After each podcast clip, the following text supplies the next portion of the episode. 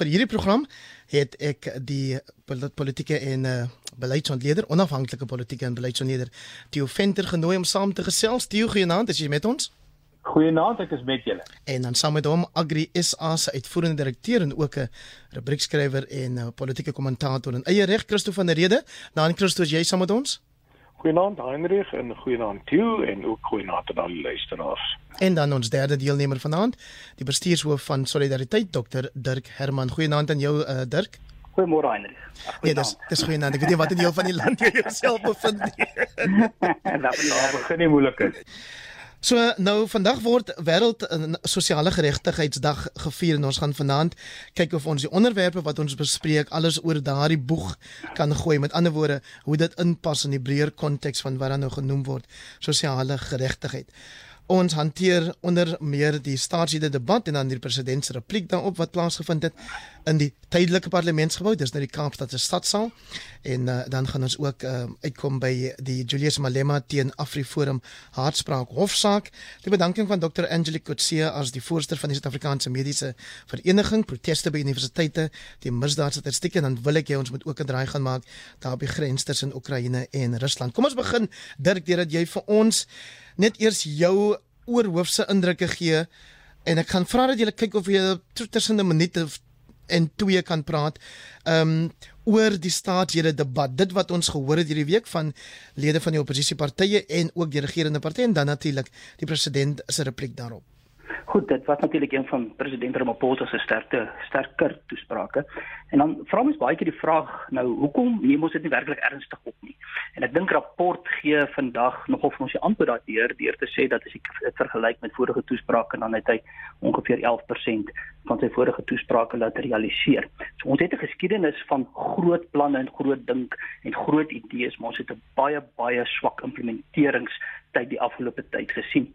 Nou ons sit met die verdere dilemma dat die skip waarop Ramaphosa ry is maar 'n sosialistiese Titanic wat se engine kamer onder water is. En nou kom hy hier en hy kondig hierdie groot reddingsplan aan maar ek dink hy self is bietjie onwillig maar sy bemanning is definitief onwillig om die reddingsbote te laat sak en te sê dat luister nou moet ons regtig van hierdie skip af kom en ons moet regtig oplossings begin soek En dit is die kopseer wat ons op die oomblik het. Nou, die goeie nuus is en ek dink ons is almal dankbaar daaroor, is die uitsprake rondom die vrye mark en dan ook spesifiek die feit dat besigheid werk en skep. Ek dink ons het almal dit al gehoor en almal dit al bespreek. Ons moet nie groot verwagtinge hê nie en ek dink die sakelei moet ook nie te groot verwagtinge hê nie. Maar wat hulle wel moet doen met uit, uit hierdie toespraak is om te sê ons neem die politieke selfvertroue daaruit om verantwoordelikheid te neem. En dit is die krag van die toespraak. Hy gee politieke ruimte vir die private sektor om selfverantwoordelikheid te neem. Met deesdae se tegnologiese ont ontploffings is dit heeltemal moontlik vir die private sektor om dinge te doen wat voorheen op die staatse terrein lê. So hierdie maak dus ruimte oop vir die private sektor om verantwoordelikheid te neem selfs al skep die staat nie die nodige antwoorde wat ons graag sou wil hê nie. Christo van der Rede, jou indrukke. Eindig ons is natuurlik uh, jy weet in 'n bevoordeelde posisie. Hierdat ons uh, lid is van Boesa, ons uh, is ook deel van 'n netwerk en uh, ons vergader op 'n gereelde grondslag. Uh die besigheidslede aan die een kant saam met die president en die kabinetslede. Nou uh sy toespraak is natuurlik uh uit voor voorvloeisel van 'n uh, gesprek wat ons gehad het so 'n paar weke gelede by netwerk en waar die uh, president baie klem gelê het op die rol van die private sektor.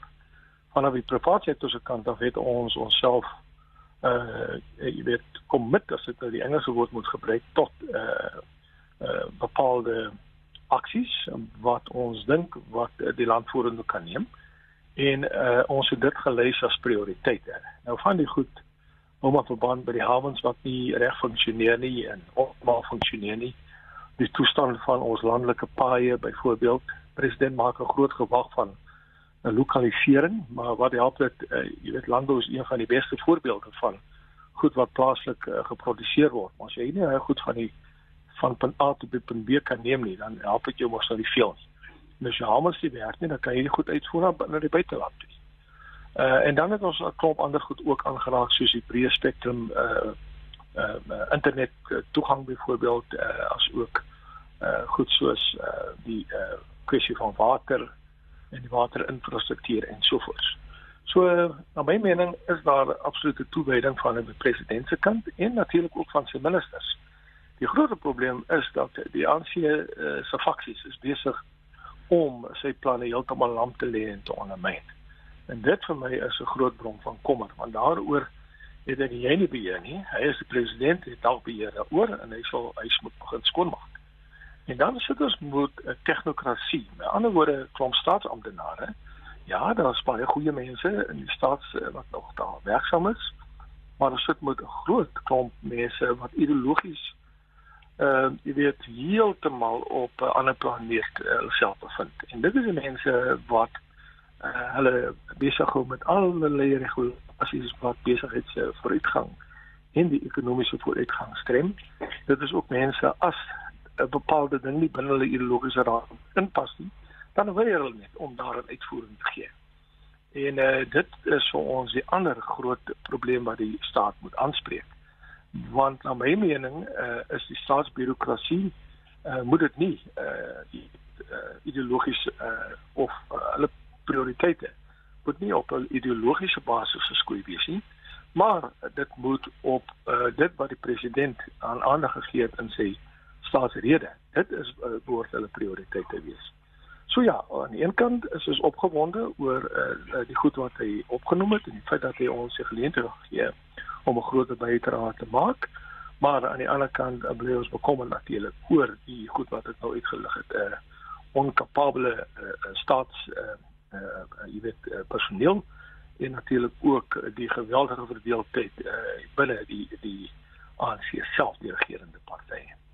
En uh, toe ons nou dink die president het met hierdie skuwe van hom die mat onder diegene uitgetrek wat soos Christo sê nie ideologies saamstem met wat hy doen nie byvoorbeeld hierdie klem op die private sektor se bydrae tot 80% bydrae tot werkskepping toe word hy uit oppositiegeleedere beskuldig deur die DA en die EFF dat hy nie vertroue in sy eie kabinet het nie en dat hy 'n parallelle struktuur in sy kantoor skep. Jy is heeltemal reg. Erns in een van die Sondagkoerante vandag het ek die sinnetjie gesien of die opskrif gesien van 'n artikel wat vra: Is die staatsrede nog regtig nodig? Dien dit die doel waarvoor dit oorspronklik ingestel is. Met ander woorde dat daar 'n soort van 'n een keer 'n jaar 'n soort van 'n staatsmans toespraak plaasvind met 'n met 'n agenda vir die jaar om almal nou saam te roep tot aksie. Nou ons weet in die verlede was daar beter is en swakker is en ek is op rekord dat ek gesê het ek dink hierdie sesde staatsrede van Ramaphosa is beslis een van sy beste wat hy gelewer het tot nou toe, maar ek dink Christo het sy vinger op die pols gelê oor waar die probleem lê en dan moet ek dink ons ook besef en dit is veral vir die luisteraars belangrik om dit te besef dat ons sit hierdie hele week eintlik gesit met politieke teater. As die president praat en daar kom dan 2 of 3 dae se debat daarna en hy lewer dan repliek op die debat, is een van die min kere in die parlementêre program van die jaar waar ehm um, sprekers in die parlement um, leiers van die oppositie wat ook al absoluut kan sê wat hulle wil en en hulle maak ruim gebruik daarvan. Aan die ander woord ons het baie van die teater gesien en die president skryf eintlik terwyl hulle nou hom sit in aanval en en beskuldig en baie van die van die kritiek is natuurlik absoluut geldig. Ehm um, is hy nou besig om sy repliek te skryf en dan is hierdie week nou verby. Nou een van die grootste probleme van die staatsrede is juis hoeveel besonderhede besonderhede hoeveel detail is verskuil en hoeveel is daar nie? En die meeste van die politieke partye elke keer na staatsrede sê ja goed en wel goeie idee maar waar is die besonderhede? Wel die besonderhede gaan nooit daar wees nie. Die besonderhede is in die begrotingsredes van die verskillende hmm. departemente. So ek dink ons moet um, dit neem wat Dirk ook gesê het um, daar was selfvertroue in sy toespraak en nou trek ek die deel van sy toespraak in waarna Christo ook verwys het en dit is ons moet maar hierdie hele jaar sien teen die of deur die prisma van 'n leierskapsverkiesing wat in Desember plaasvind. Ons kan eintlik dit nooit ignoreer nie. En wat ek raak gesien het was 'n selfvertroue En wat van iemand wat praat asof hy weet dat hy beslis 'n tweede termyn gaan kry as leier van die ANC en dat die programme wat hy hier nou op dreef begin kry eintlik in sy tweede termyn geïmplementeer gaan word want ons presidente net soos Amerikaanse presidente is eintlik sterker in hulle tweede termyn as in hulle eerste termyn. Jou hele eerste termyn vestig jy eintlik jou jou politieke verwantskappe en netwerke. So ek dink dis waar ons sit. Ons soek dink ek te veel besonderhede en ons soek te veel um, ek het 'n rapport se artikel vandag gesien. Ek het gedink is 'n bietjie sinies die 10%, maar as 'n mens nou kyk na wat hy verlede jaar onderneem het, dan kan ek verstaan waar hulle met hierdie bedrag vandaan kom. En Dirk dalk is rapport nie die enigste wat so vol nie want professor William Gomede van Wits se eh, skool vir regeringskunde hy skryf vandag Ramaphosa wasted his first 100 days in power in countries with two term presidential limits the major presidential successes are generally achieved during the president's first term when power is at peak with power dissipating in the second term Theo Venter wil ons laat glo ons moet net wag jy gaan nou sien wat Ramaphosa doen ek dink die probleem is dat Ramaphosa baie streng ehm um, grense waar binne hy kan funksioneer. Daardie grense is die volgende. In die eerste plek is dit sy eie persoonlike politieke ideologie. Dit gee vir hom spesifieke grense, maar dan nog meer natuurlik sy party se ideologie. Dit gee vir hom grense. Maar die uh, ander groot grens en ek kan vaar ons van nou 'n bietjie meer in detail daaroor gesels, is natuurlik wat kan en dit is 'n reuse grens op hierdie stadium. Nou ons gaan um, nou sien um, hoe lyk die begrotingsrede. Nou 'n begrotingsrede is eintlik maar die werklike repliek op die staatsrede. Want dit sê wat kan gedoen word van die beloftes wat gemaak is. En op die oomblik is ons verskriklik begrens oor wat gedoen kan word. Ons sit op die oomblik met die eenvoudige probleem dat ons beursie is leeg en ons kredietkaarte is vol en ons het groot begrotingstekorte. En dit is die fiskale werklikheid waar binne Ramaphosa moet beweeg. Hy beweeg dus binne ideologiese grense en dan beweeg hy binne 'n fiskale werklikheid. En die probleem is dat hierdie fiskale werklikheid is veroorsaak deur daardie einste ideologiese grense wat hom ook beperk. As jy pas ingeskakel het, luister na vanaand se uitgawe van Kommentaar, die SAK nuusbesprekingsprogram elke Sondag aand tussen 8 en 9 hier op RSG 100 tot 104 FM. En vir vanaand kan ek miskien net Laat ek eers vir die luisteraars laat ek laat ek net eers vir die luisteraars sê wie uh, my Sudani rede val. Dis Theo Venter, die onafhanklike politieke en beleidsontleder van Noordwes, saam met hom vanaand Christo van der Rede, uitvoerende hoof van Agri SA en Dr Dirk Herman wat die bestuurshoof is van Solidariteit tyd. Ons luister graag na jou Theo. Nee, ek het ook William Gumede geluister en jou opmerking is heeltemal 'n um, 'n goeie opmerking waar William Gumede 'n fout maak. Is ons moet onthou dat ehm um, as jy na normale presidente kyk met twee termyne, is hy reg. Maar wat ons in Suid-Afrika gehad het in 'n eerste termyn was eintlik 'n konsolidasie van mag vanuit 'n vorige bedeling wat op 'n on op 'n vreemde manier geëindig het en op 'n nog vreemder manier begin het. So ek dink 'n mens moet daarvoor ook begrip hê dat waarskynlik in die eerste 3 jaar wat uh, eerste 3 jaar, miskien 4 jaar wat Ramaphosa van sy eerste termyn gebruik het, het hy eintlik maar geveg teen die impak wat die wat die Zuma groepering en die en die ANC faksies wat teen hom was gehad het. So dit maak dit maak ons uh presidensiële termyne 'n klein bietjie anders en uh dit is hoekom ek meer klem lê op die tweede termyn en nie op die eerste termyn nie. En uh, terwyl jy aan die woord is uh, Theo, dit is juis oor daai Zuma teenwoordigheid alom teenwoordige teenwoordigheid van 'n voorganger. Wat maak dat ons met probleme sit soos die met ons sekuriteitsagentskappe? As ek reg daaroor en is dit waarom die president ons nou ook beloof ons sal binnekort sien dat hy veranderinge gaan maak in daai uh groepering en daai um gemeenskap waar ons veronderstel is om na te kyk en veilig te voel wat ons as inwoners Lindsburgers betref en en dat dit mense is wat natuurlik die nodige intelligensie en in intelligensie en, en, en het om seker te maak dat hulle al die tekens sien voordat ons die beelde op televisie sien? Ja, wel, dit is twee. Dit is nie net die intelligensiegemeenskap nie, dit is ook die polisie en van my ander kollegas kan nou daaroor praat as hulle wil, maar ek dink uh, met die derde Zondo verslag, wat lyk my nou die nie die laaste ene gaan wees nie, maar die voorlaaste voorlaaste een, gaan ons meer lees oor die staatsveiligheidsagentskap wat uh, na die beste van my wete en ook as 'n mens kyk na die hoofvlakpaneel van Sydney Mofamadi wat dit ondersoek het wat eintlik die private beursie van president Zuma was.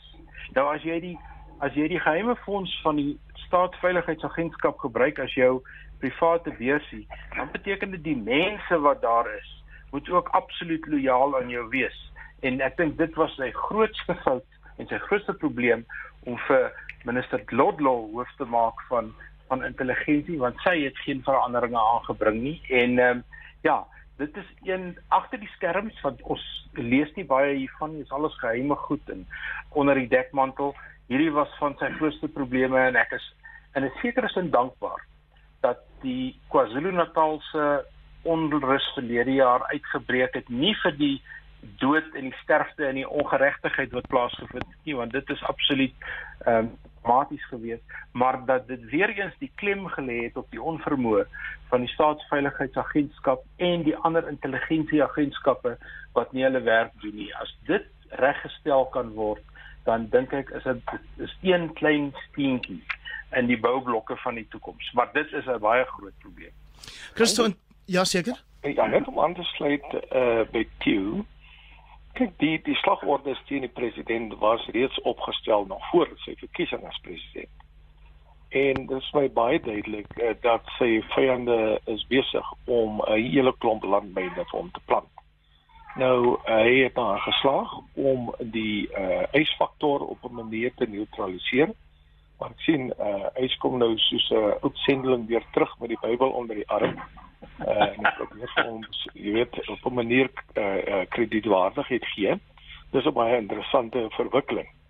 Uh, maar uh, ons sien ook dat ehm uh, uh, wat Lindiwe Sisulu het 'n baie baie interessante spel begin speel. Nou sou die president opgetree teenoor haar dan dink ek uh, sou hy uh, in daai landpyn waarna hy vroeër verwys het getrap het En uh ek dink on, ons sou dalk 'n totale ander politieke spel sien uitspeel het. Maar hy het daar ook deur op 'n manier, ek weet deur 'n baie gesofistikeerde manier uh op haar plek gesit uh en het begin uh uh of uh, uh jy weet uh, uh ja, terugkruip na in haar dop. Ja, maar maar meer nog ehm um, ek dink sy het haarself haar eie integriteit baie meer skade aangedoen deur te beweer dat die president of die president se kantoor dit woorde in haar mond gesit.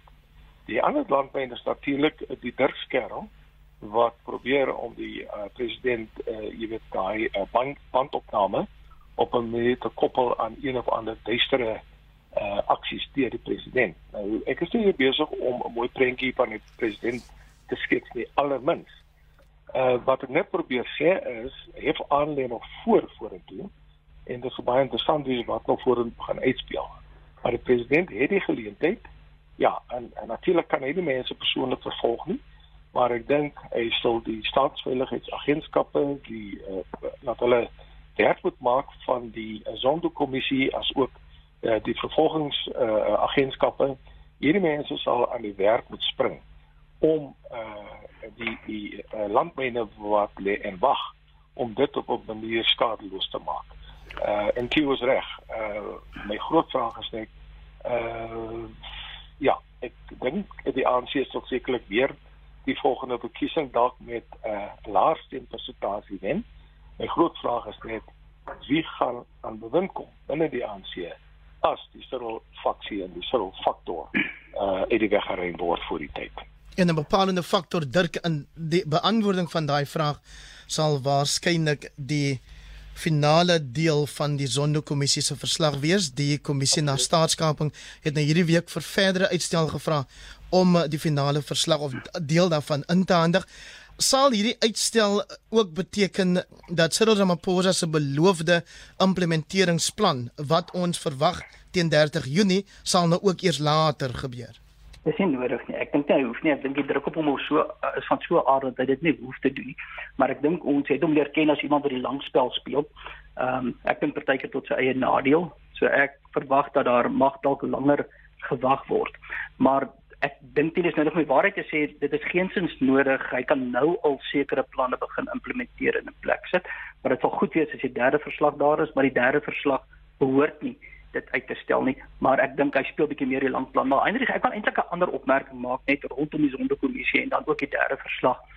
En dit is dat hoe hanteer ons vervolging wanneer vervolging geïnstitusionaliseer is. So dit beteken andersins gestel dat dit sistemies is. En ek dink dit het ons wel gesien met die sondekommissie is dat korrupsie is sistemies in Suid-Afrika, maar ongelukkig het dit nie geëindig in die um, tyd wat die sondekommissie nou ondersoek nie.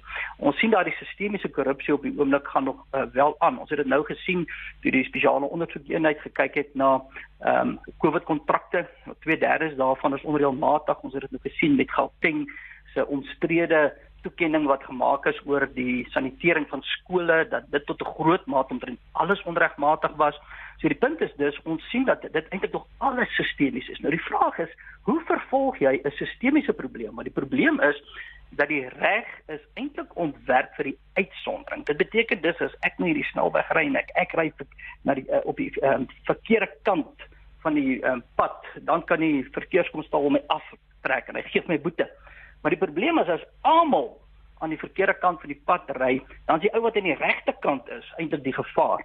En die vraag is, kan 'n regstelsel ehm um, intree vir iets wat so sistemies korrup is? Ek dink ons het 'n ongelooflike uitdaging met vervolging omdat die reg nie ontwerp is vir die reël nie, maar vir die uitsondering. So die vervolgingskant hiervan, dit gaan nog 'n nagmerrie wees. Want ons hoor Theo dat advokaat Shamila Batoy vir ons sê die nasionale vervolgingsgesag het nie geld nie. Wil julle nie asseblief 'n kollekte busie omstuur na private donateurs nie? Ja, ek dink mense moet baie keer ook maar uh, met die sout neem wat hulle sê. Um, ek het dit op 'n paar plekke nou gesien in die laaste week of twee. Soms kom maak hulle aanbiedings aan die parlement en die parlementêre komitees. Hulle oordryf 'n bietjie want daardeur skep hulle 'n sin vir dringendheid. Die werklikheid mag presies dit wees, maar ek dink baie keer is dit meer hanteerbaar as wat dit as wat dit maak. En in die laaste week, week en 'n half, het dit baie duidelik geword dat daar is uh besig om 'n 'n duidelike um uh antwoord te kom op hierdie probleem en ek stem met Dirk saam, 'n sistemiese probleem is net eenvoudig 'n ander kategorie probleem. Maar ehm um, eerder as om byvoorbeeld 'n korrupsiehof daar te stel want 'n uh, korrupsiehof klink vir my na 'n baie vreemde verskynsel want korrupsie kan op enige plek plaasvind en uh, hoe onderskei jy nou 'n korrupsiehof van 'n ander soort hof? Ehm um, lyk dit asof ehm um, die die ehm um, departemente sien die regters en die NPA begin dink aan aan sekere vervolgingsstrome. Met ander woorde, 'n sekere regter en 'n sekere ehm um, uh, aanklaer word geallokeer aan 'n saak vir die volgende jaar of 2 sodat hy nie met ander sake die mekaar raak nie sodat hy fokus op hierdie saak. En dit dink ek is baie belangrik na aanleiding van die hofsaak oor Billy Downer uh, vis-à-vis Zuma wat natuurlik vir my 'n baie vreemde hofsaak was. Hoe wil jy hê 'n aanklaer moet onbevooroordeeld wees? Sy werk is om bevooroordeeld te wees want hy kla jou aan. Hy moet suidig wees. Hy suidig vir die staat of suidig vir die vir die mense. So ek het uh, ek dink ons ons het oplossings daarvoor en en uh miskien is dit klein bietjie filosofies teoreties, maar wanneer 'n mens die diepgang bereik van probleme soos wat ons in Suid-Afrika op sekere plekke bereik het, um, en beide Christo daarna verwys en Dirk, dan kom die kreatiewe oplossings eintlik na vore en die vraag is hier is die sleutelvraag het die president dan as die persoon wat nie net in die party nie maar ook in die regering soort van die finale seggenskap het het hy dan die vermoë om daardie deurbraak besluit te neem? En uh, ek is self party daar um, maar 'n bietjie sinies oor die vermoë wat president Ramaphosa het om soos 'n meneer Jantjies kort om die skrim te breek. Hy wil maar die bal langs die agterlyn laat afgaan. En metafories het mens soms hierdie kort breek nodig om by die doellyn uit te kom. Daar is in die politiek net eenvoudig die noodsaak daarvan en ek weet nie of Ramaphosa dit al ontwikkel het nie. Christo, 'n laaste punt oor die staatsrede debat en die president se repliek daarop. Het ek net sleg geluister as ek niks gehoor het oor sosiale kohesie nie? En ek dink uh, sosiale kohesie is 'n uitvloeisel van uh, ekonomiese groei, uh, van werkskepping, uh, van uh, allerlei ander uh, jy weet aktiwiteite. Uh, ons sit nou met 'n baie groot probleem. Rassepolarisasie is aan die orde van die dag. Uh, gemeenskappe val letterlik uit mekaar uit as gevolg van geweld en allerlei ander uh, sosio-maatskaplike probleme.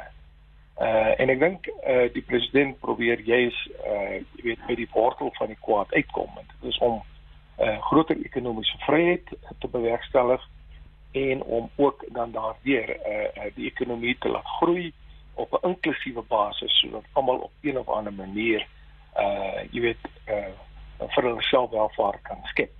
Die groot probleem natuurlik en ons sal maar sien wat uh, uh Inogwanaguana ons gaan voorhou. Maar ons moet baie ons het die afgelope tyd het ons begroting toenemend op 'n uh, uh, welvaartstoelaag uh, of welstandstoelaag uh, gefokus.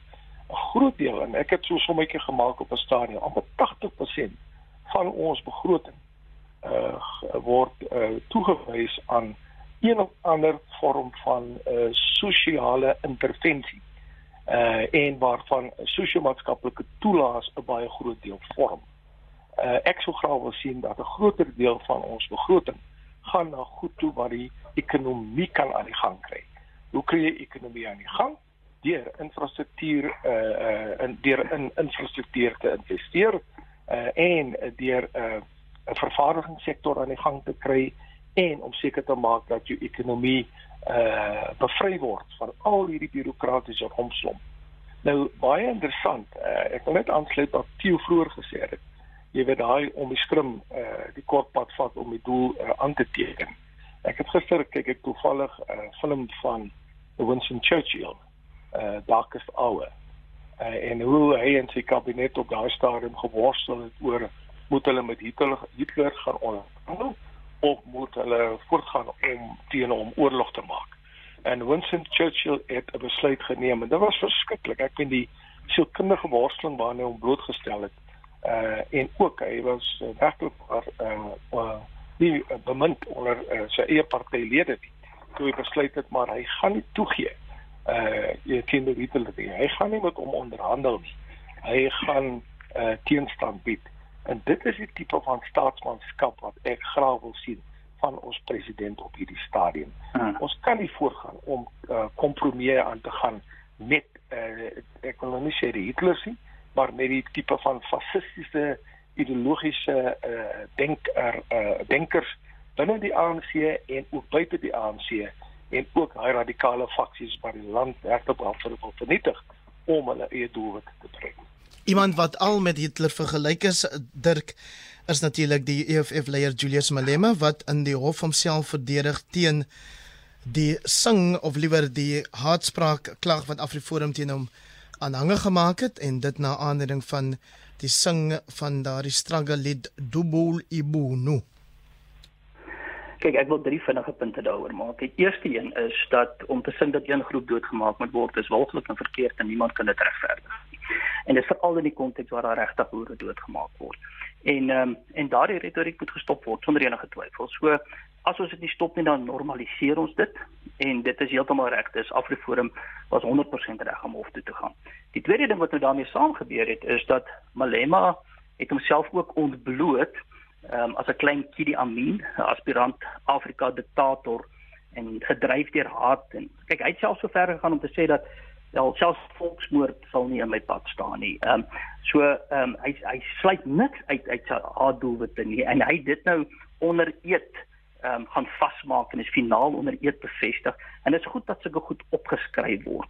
So dis die tweede ding is hier kleintjie die Amin is ontbloot, maar die derde ding daarmee saam is natuurlik hy wou dit ook graag doen.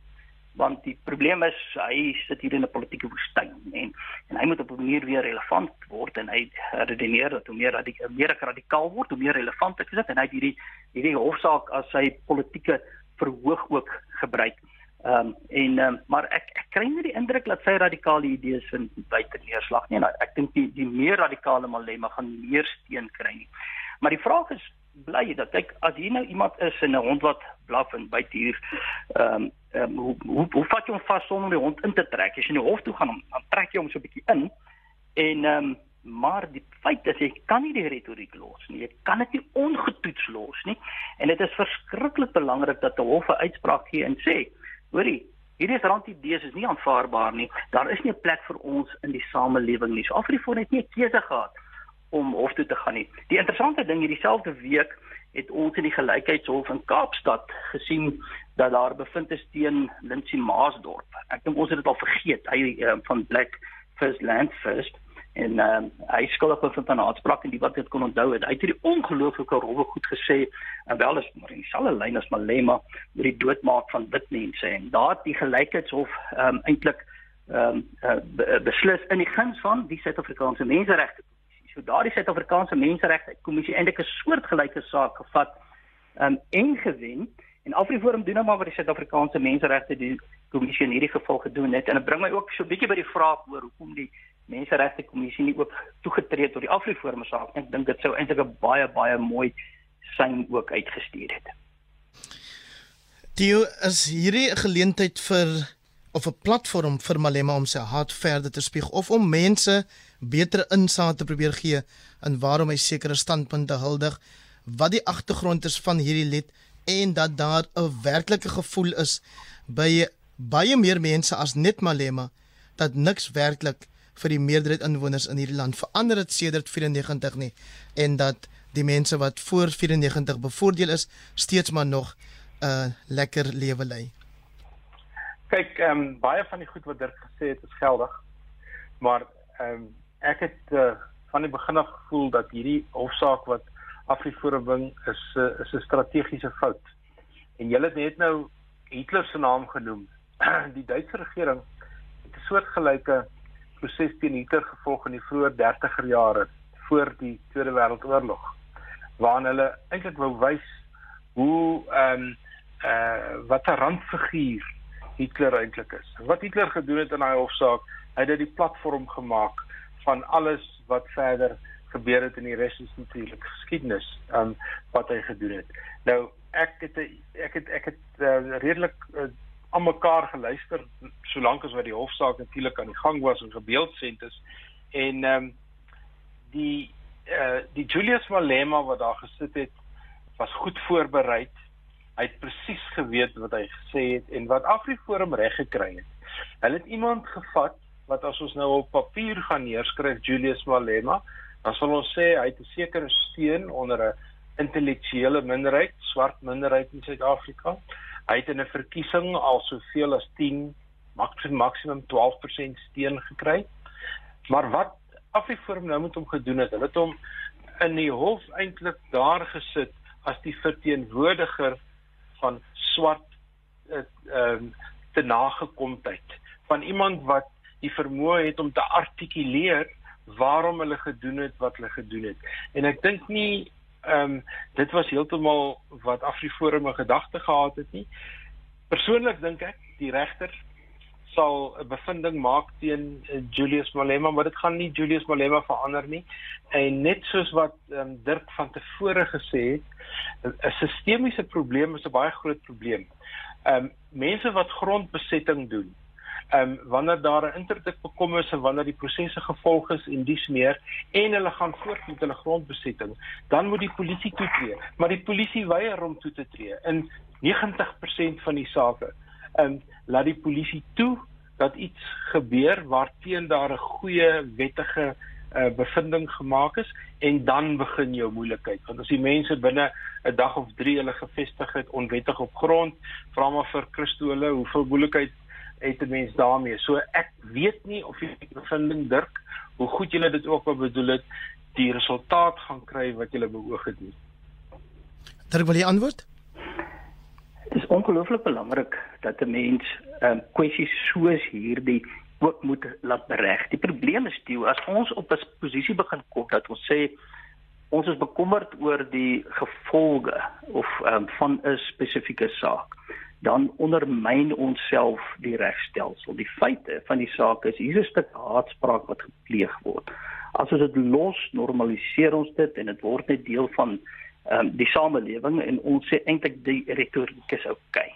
En ehm um, daar moet uitsprake kom ook teen hierdie tipe retoriek. Die probleem is as jy hierdie retoriek as deel van die samelewingsretoriek begin maak, dan begin dit naderhand gevolge hê. Die ehm um, retoriek soos hierdie en ons kan verskeie volksmoord ehm um, ehm um, gevalle ehm um, um, anders en ek sê is glad nie ons is op die punt van volksmoord nie, maar dit het gevolge. En ehm um, los ons die retoriek dan het die retoriek selfs selfs met Maastricht dit kon nie gelos geword het. Die Suid-Afrikaanse Menseregte Kommissie kon hom nie gelos het nie. Die uitsprake rondom um, Hoërskool Driehoek waar um, Blackland uh, Black um, ag Maastorp hulle ook gesê het ehm um, dat hulle vir uh, as dit ehm um, swart kinders is wat dood is, dan uh, moet ons treur. As dit wit kindertjies is, dan moet daar vreugde wees. Nou dit is ook op die ook op die oomblik in die hof en dan moet uitspraak kom daardeur. Los ons dit dan raak hierdie retoriek normaal en sy gevolge word groter vorentoe. En dit is die punt dat 'n mens moet dit nie los nie. En hoe speel hierdie hofsaak al is dit onregstreeks Christo van der Rede in op 'n situasie soos die by die Jan Viljoen Hoërskool? Dit dit is 'n komplekse ding en ek dink daai ding ek is was nie jy weet dis ek moet versigtig wees ek is nie daar betrokke nie ek weet nie presies wat daar gebeur het nie. Uh, ek vermoed dit was dalk 'n paar seuns wat met mekaar handgemeen geraak het. En nou die ding in die hele rasse debakel ontaard uh, en dan het ons 'n minister uh, jy weet wat hierdie goed so so swak hanteer hy probeer eerder homself 'n politieke verhoog gee deur die werklike probleem aan te spreek En dit is baie hartseer as jy sien hoe swart en wit ouers mekaar amper wil half te leef gaan uh, by die skool. Uh, wat 'n voorbeeld is dit vir die kinders? Uh, dit is dit is ontstellende goed uh, en mense hoop maar net dat ehm uh, daai ouers jy weet met mekaar op een of ander wyse weer vorentoe kan versoen. En ek dink dit is waar uh, uh jy weet die beheerliggaam uh, saam met ander bemiddelaars 'n proses moet aan die gang kry om uh, die uh, skoolgemeenskap uh, weer te versoen. Dit is belangrik. Dis toe daar is jy heeltemal reg. Bemiddelaars moet help. Ja. Nie die MEC wat reeds ja. sy sy sy eensidedigheid gewys het en ek weet Dirk het ook al 'n paar sake teen hom gehad. Lesofie is 'n verdeler, hy's nie 'n vereniger nie. Ja. En 'n mens maar, maar, moet uit in uit gemeenskappe uit. Is daar ja. mense wat hierdie groepe bymekaar kan bring en ek weet nie hoekom ons nie in gemeenskappe hierdie mense kan identifiseer en sê raak betrokke kry die mense om te praat en gaan vorentoe. Maar net net om verder te gaan, uh, weet jy hierdie land het op hierdie oomblik bemiddelaars nodig. Mense wat weer ons mense bymekaar kan trek. Ons kan nie voortbou op 'n pad van rassepolarisasie nie. Nou uh, net om terug te kom na die hele uh, sage wat nou in die half op afspeel tussen Julius Malema en Afri Fore. Dit is my totaal onaanvaarbaar dat ons na 94 sulke liedere sing.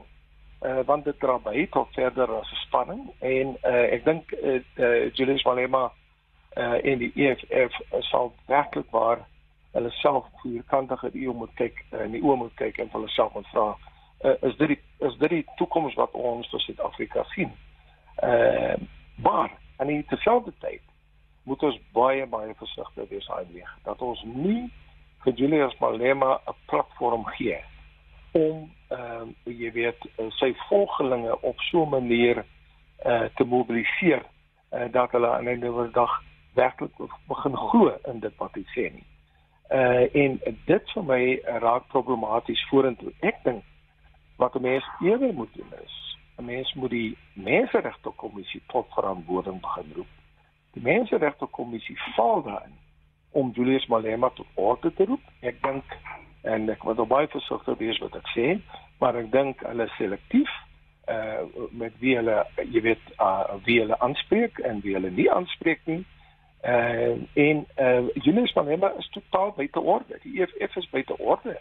Deur voort te gaan met 'n die sing van 'n lied wat geen relevantie het in die nuwe orde nie. Ons demokratiese orde het klop uitdagings. Ons ekonomie as is aan flarding. Daar's 'n hoë vlakke van kriminaliteit in landelike areas en stedelike areas ons het ook geweldige sosiale uh ander sosiale uh sosio-maatskaplike probleme. Waarom nie 'n lied uh, daaroor sing? Uh, waarom nie uh, die mense wat verantwoordelik is vir die huidige stand van sake, hulle aan die kaak stel deur uh jy weet 'n uh, liedjies rondom uh, dit te vestig nie. En dan sal ons sekerlik almal saam sing. Maar uh, ek dink uh, uh wat uh die lied aanbetref, daai lied moet heeltemal uh uitgeroei word, die sang daarvan moet gestop word. Uh en uh, ons jy weet ek hoor nou daai akademikus wat nou allerlei redes probeer aanvoer het waarom die lied 'n bepaalde historiese konteks het. Nou daaroor stry ons nie en kan ons nie stry nie want dit het 'n bepaalde historiese konteks. Maar in die huidige tydvak waarin ons osself bevind, is dit onvanpas en ek stem met stem saam met Dirk saam. Dit is absoluut waaglik. Dirk Julius Malema sê ook die deel van die stem of die feit dat die stemdelers van ons nasionale ons na 94 volkslied die stem het ook 'n historiese konteks, 'n bepaalde konteks en daarom wil hulle hê dit moet verwyder word uit die nasionale lied uit. Die stem en die nasionale lied was deel van 'n baie lang proses van konsensussoeking wat op die ou en toe vervat is. Ehm um, by ou en ook in 'n grondwet neerslag gevind het.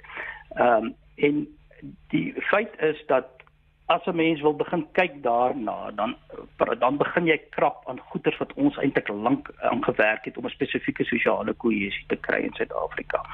En uh ehm um, so die die die feit is dat iets soos byvoorbeeld die stem in die nasionale lied is iets wat 'n lang proses geloop het en wat eintlik so 'n bietjie van iets is om te sê dat kom ons kyk of ons mekaar kan vind Malema het geensins ehm um, daardie benadering nie. Hy het geensins 'n benadering van kom ons kyk of daar iets kan wees waar ons mekaar kan vind nie.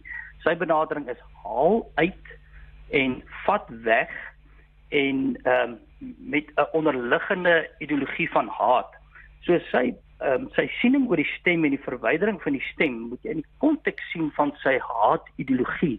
Daar is niks goed daaraan nie. Sy bedoeling is ons wil uithaal, ons wil hulle uithaal uit ons samelewing, uit hierdie wit mense wil ons uithaal uit ons samelewing. Ons wil hulle verwyder uit elke liewe openbare ruimte.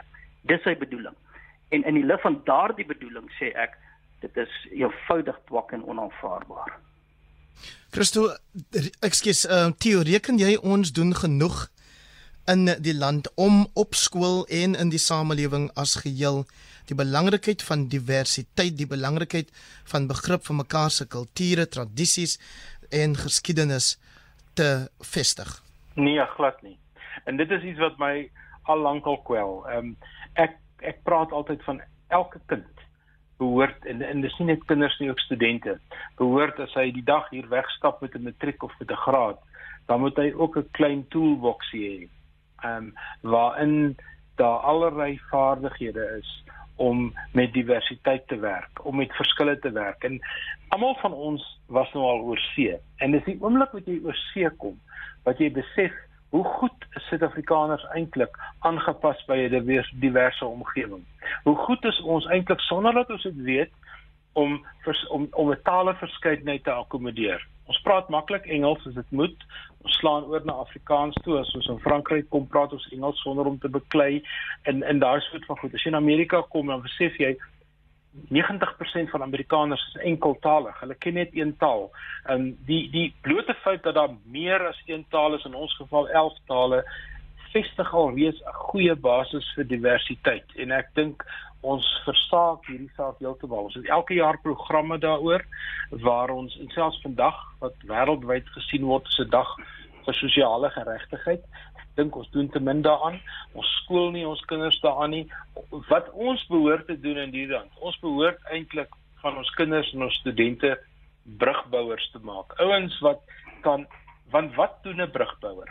'n brugbouer of 'n fasiliteerder kan hom in die plek aan die ou wat oor kan die rivier staan sit. En hy sê, "Maar kyk, ek moet daar kan kom. Hoe kom ek daar?" Die Julius Malemas staan aan daai kant en skree en sê allerlei aanvegbare goeters en en en vuur eintlik die vure van haatspraak aan. Maar wat ons moet hê en een van die goed en nou bring ek ons vorige gesprek en jou vraag nou by mekaar uit. Een van die goed wat natuurlik vir Malema skiet goed gee, spreek woordelik. Die feit dat die ekonomie ehm um, ek sou sê waarskynlik in die laaste 15 jaar nie ehm um, gedoen het wat hy moes doen nie. Ons kon nie die regstellings maak nie. As 'n mens na die syfers kyk, dan het ryk mense ryker geword en arme mense het armer geword. Ek dink die land in die breë het agteruit beweeg en 'n mens kan dit duidelik sien as 'n mens kyk na die groei in die bruto nasionale produk van 2008 af. Val ons uit die wêreld se ekonomiese groeikurwe en ons is op ons eie traject. As dit nie so was nie, dan het Julius Malema baie minder gehad om almal buite homself kwaliek te neem omdat die omstandighede van 'n groot deel van Suid-Afrikaners sleg en swak is. Maar om jou antwoord kort te antwoord, nee, ons doen nie genoeg nie, dan moet baie meer gedoen word. Andre, kan ek net terugkom ook na die vraag toe en, en dan Theo se antwoord? Ehm, um, ag, mens kan nou nooit ehm um, genoeg doen om seker te maak dat mens wederzijds erkenning en respek in die land ontwikkel. En daar's ek stem heeltemal saam daarmee. Maar my ervaring op die oomblik in Suid-Afrika is dat die horisontale verhouding in die land eintlik besonder goed is. Waar ek ook al gaan beleef ek eintlik hartlike verhoudings op vele vele vlakke. Waar ons byvoorbeeld met ehm um, die Kusatu vakbonde werk, is hartlike verhoudings op horisontale vlak. Die mooi verhoudings wat Afriforum byvoorbeeld met Prins Gab Gabo het en met die Nkandla gemeenskap en met die Zulu koningshuis die mooi verhouding wat ons ontwikkel het in die ehm um, ehm um, Afrika Afrikaner inisiatief en die verhouding met die Tabo Mbeki stigting. Ek beleef daar net hartlike verhoudings.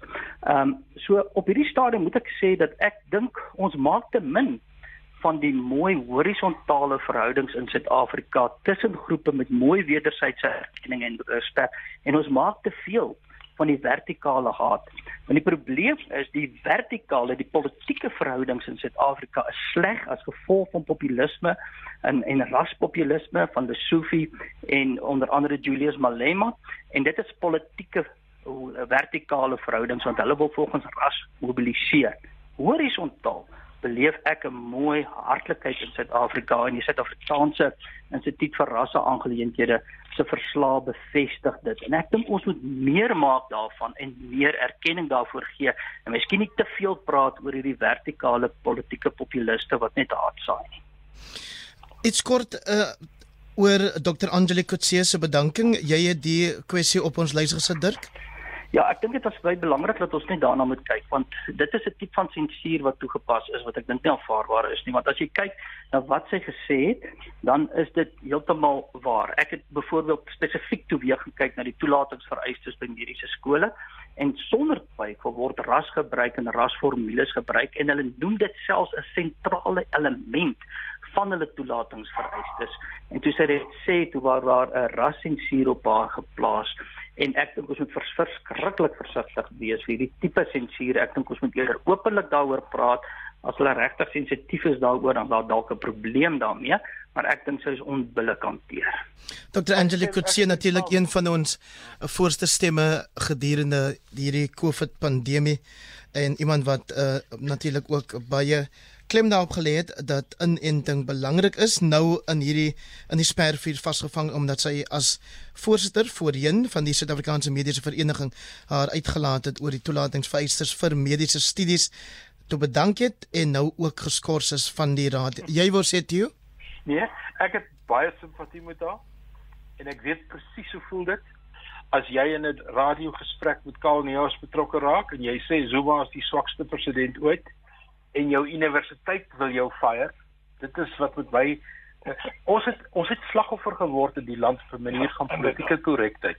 Jy jy het gesê Zuma Zuma is selfs slegter, swakker as die apartheidspresidente. Staan jy Nee, daarbey? Ek het, ek het ek het gesê hy's die swakste president sedert 1910.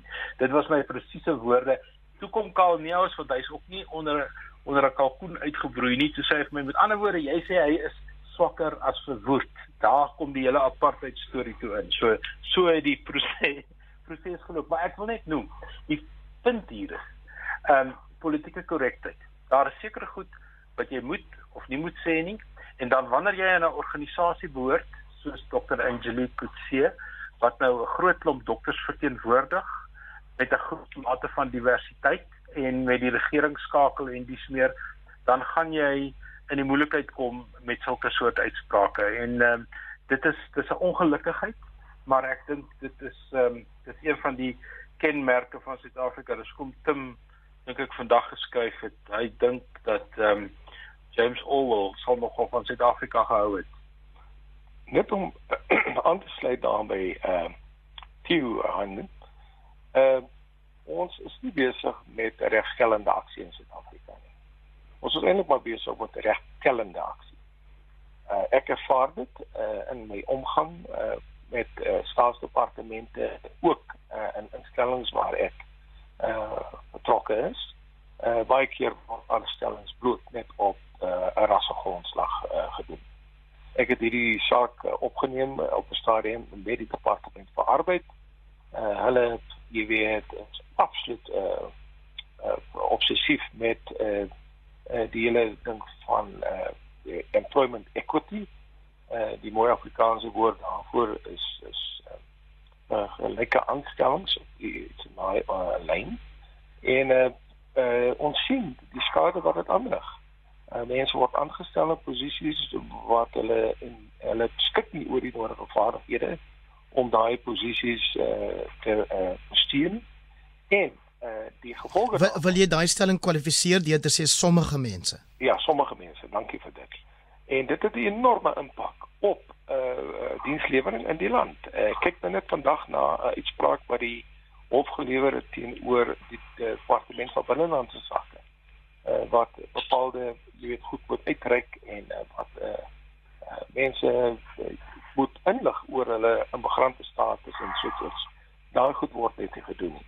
Dan die ander groot probleem is dat ehm um, stories loop by oor uh, uh, die tipe van uh, die uh, kapasiteit van sommige mediese uh, wat ehm um, of dokters wat toegelaat word tot universiteite uh, wat op 'n rassegrondslag toegelaat word en wat aan die einde van die dag nie die pyp uh, op die dit maak nie. Maar dan moet daai professors uh jy weet uh sekere intervensies loods uh of hulle word opdrag gegee deur die departement van gesondheid om daai studente jy weet te laat slaag.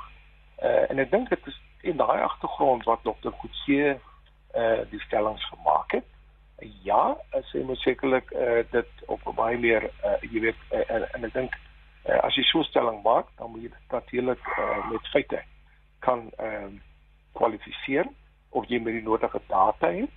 Maar ons bevind ons in 'n situasie waar waar 'n regstellende aksie besig is om eh uh, dienslewering en ook die kaliber van mense wat daai dienste moet lewer aan die einde van die dag besig om dit te reismeer. So Dirk ons wil 'n draai gaan maak daar op die grens tussen Oekraïne en Rusland. Dalk net want ons het net nou as ek na die horlosie kyk, 3 minute oor. So moet asseblief net ek enigiemand van julle hoef kort te knip nie. 1 minuut elk om vir ons te sê waarom moet Suid-Afrikaners wat dalk tot nou hulle nie veel gesteer het aan die gebeure daar op die grens van Oekraïne nie. Waarom moet hulle veral na die lees van Rihanna de Lange se berig en rapport vandag kennis neem van wat daar gebeur? Dirk eerste, dan Theo en dan Christo. Ja, al die feit van die saak is 'n aanval daar gaan invloed hier ook het dit is ekonomiese invloed ehm um, uh, internasionaal en die verhoogde oliepryse gaan invloed hê. Dit dit druppel deur na ons toe. Ehm um, ek ek verwag nie 'n inval van Rusland nie anders as uh, Biden. Biden sê dit intelligensie ons verwag dit nie.